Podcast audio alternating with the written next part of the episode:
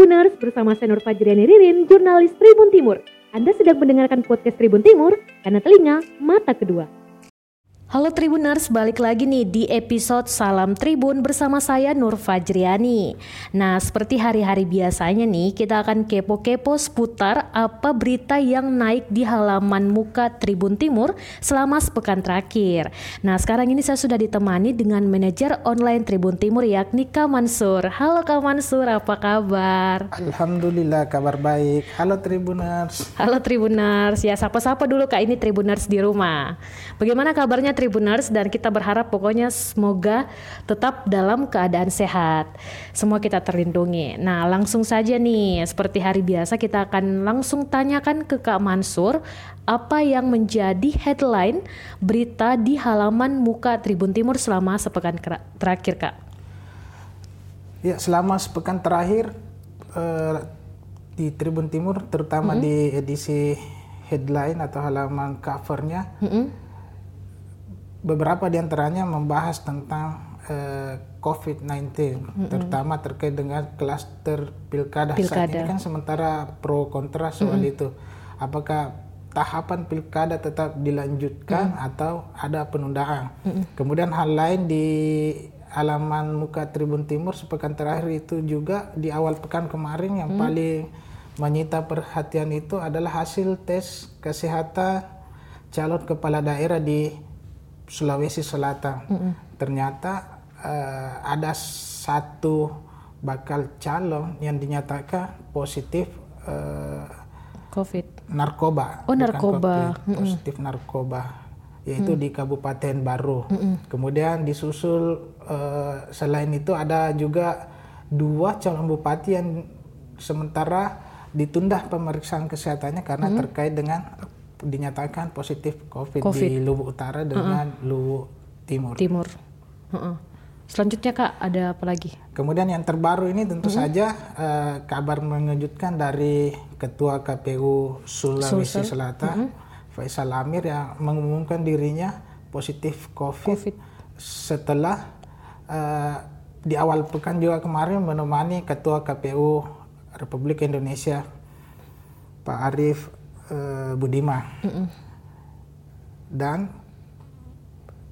KPU RI ini ketua KPU RI Pak Arif, Budi, Arif Budiman mm dinyatakan uh, positif COVID sebelum hasil swab test sebelum bertemu dengan Presiden Jokowi di hari Rabu ya hari mm Rabu atau Kamis. Mm Ini tentu saja uh, menemukan momentumnya ketika ada sebagian kelompok masyarakat mm kalau di Sulawesi termasuk di Sulawesi Selatan itu sudah termasuk juga dari Ikatan Dokter Indonesia pengurus Ikatan Dokter Indonesia hmm. Makassar yang menyuarakan itu supaya pilkada 2020 ditunda sampai uh, pandemi COVID-19 dinyatakan berakhir atau berakhir. Land, minimal landai lah. Landai. Uh -uh.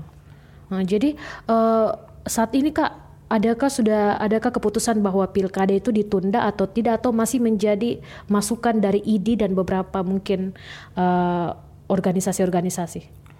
Pilkada ditunda atau tidak sebenarnya bukan putusan di level Sulawesi Selatan mm -hmm. ya bukan apalagi di level kabupaten mm -hmm. kota khususnya lagi kota Makassar pilkada ditunda atau tetap berjalan mm -hmm. seperti biasa tentu saja kewenangan dari uh, pemerintah pusat. pusat. KPU kan di sebagai sekadar penyelenggara saja. Mm.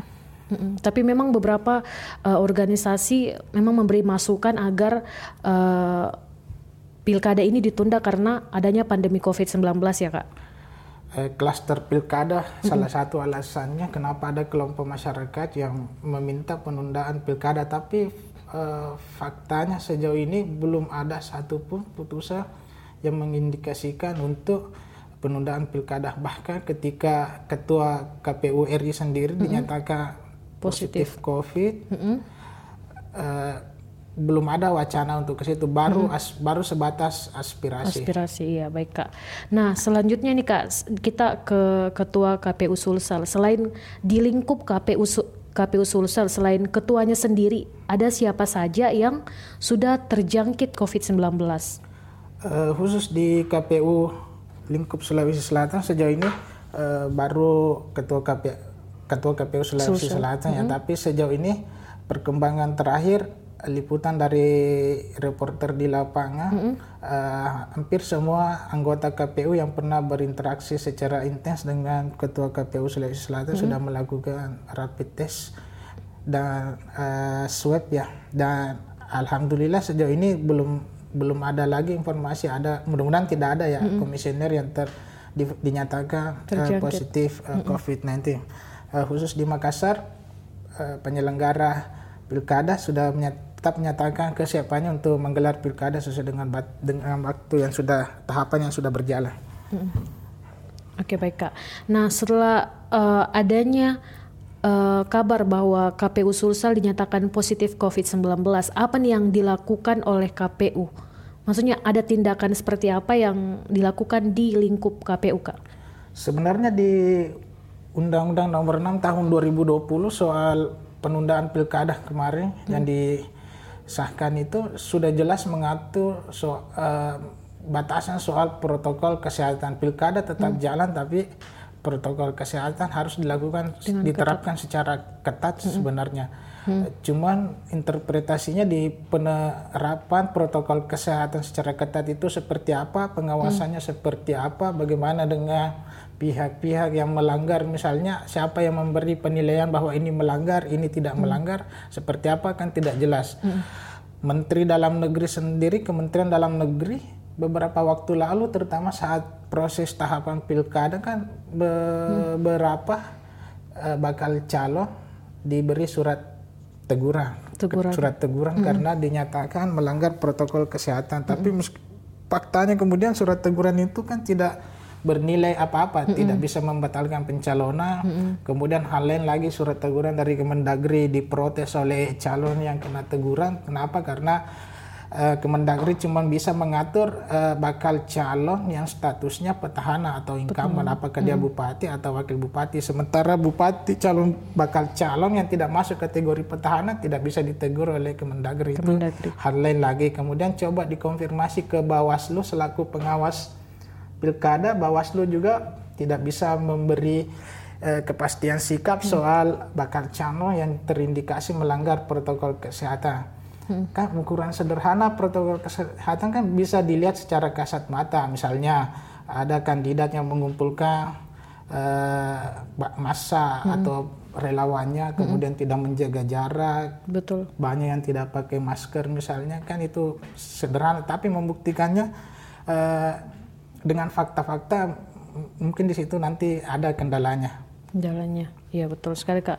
Jadi memang sudah uh, sejauh ini beberapa memang kandidat di luar dari Sulawesi Selatan sering menggelar kayak undang artis di kak. Terus uh, mereka mengundang banyak orang tapi diberi teguran dan itu tidak berdampak pada diberhentikannya pilkada atau ditundanya pilkada. Uh, konser musik di pilkada sekiranya juga beberapa uh, sepekan terakhir ini juga sempat ramai mm -hmm. apalagi setelah uh, aturan KPU sendiri hmm. ternyata tetap membolehkan namanya konser, konser. musik oh. saat kampanye meskipun hmm. ada catatannya konser Dibatasi. musiknya hmm. harus sesuai dengan protokol kesehatan. kesehatan tapi faktanya mungkin nanti seperti apa hmm. uh, nanti kita lihat uh, kejadian di lapangan seperti apa apa benar ada calon yang masih mau menggelar konser musik di tengah hmm. pandemi seperti ini ketika angka-angka uh, COVID, penderita COVID bukannya malah landa justru semakin naik. Naik. Itu mm akan menjadi tantangannya ke depan. Apakah mm. benar ada calon yang masih mau melakukan konser musik konser, untuk iya. mengumpulkan massa? Mm. Nanti kita lihat pada saat uh, tahapan kampanye. Mm Tapi untuk kepastian pilkada sendiri ini Kak dipastikan digelar pada bulan apa? Sampai detik ini masih di bulan Desember. Desember akhir 2020. Iya oke okay, kak. Nah terakhir lagi nih kak soal uh, kantor KPU setelah dinyatakan positif COVID-19 ketuanya di kantor KPU ada dilaksanakan apa saja nih kak? Misalnya mungkin tes swab atau disemprot disinfektan atau apa saja yang sudah dilakukan di kantor KPU Sulsel? Iya, Tribun Timur edisi print hari ini Senin 21 September mm -hmm. uh, fokus di situ di pencegahan mm -hmm. COVID-19 terutama setelah uh, ketua KPU Sulsel dinyatakan uh, posit, uh, mengumumkan dirinya positif. Mm -hmm. Tentu sudah ada prosedur standar misalnya penyemprotan disinfektan. Mm -hmm. Kenapa di kantor KPU? Karena uh, hampir di semua komisioner di Provinsi Sulawesi Selatan, terutama juga di Makassar mungkin pernah bersentuhan dengan uh, ketua KPU hmm. selama sepekan terakhir, terakhir atau 14 hari terakhir makanya untuk langkah antisipasi kantor KPU disemprot. Disemprot atau dicuci Kita doakan bersama-sama mudah-mudahan iya. tidak ada penyelenggara pilkada di hmm. Kota Makassar uh, tertular uh, hmm. COVID sehingga tahapan pilkada bisa berjalan lancar, berjalan sesuai dengan harapan kita semua. Hmm. Uh, meskipun juga Eh, kita harus tetap menghormati, menghargai, apresiasi kelompok masyarakat mm -hmm. yang menyuarakan agar supaya pilkada ditunda, mengingat mm -hmm.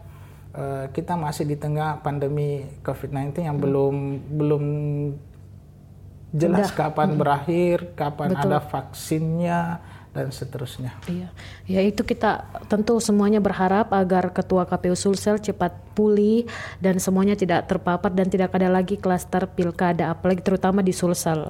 Oke, Tribuners mungkin itu saja bincang-bincang kita dengan manajer produksi Tribun Timur Kak Mansur dan sampai jumpa di episode selanjutnya. Terima kasih dan jangan lupa dengarkan lagi podcast selanjutnya bersama saya Ririn. Be happy dan goodbye.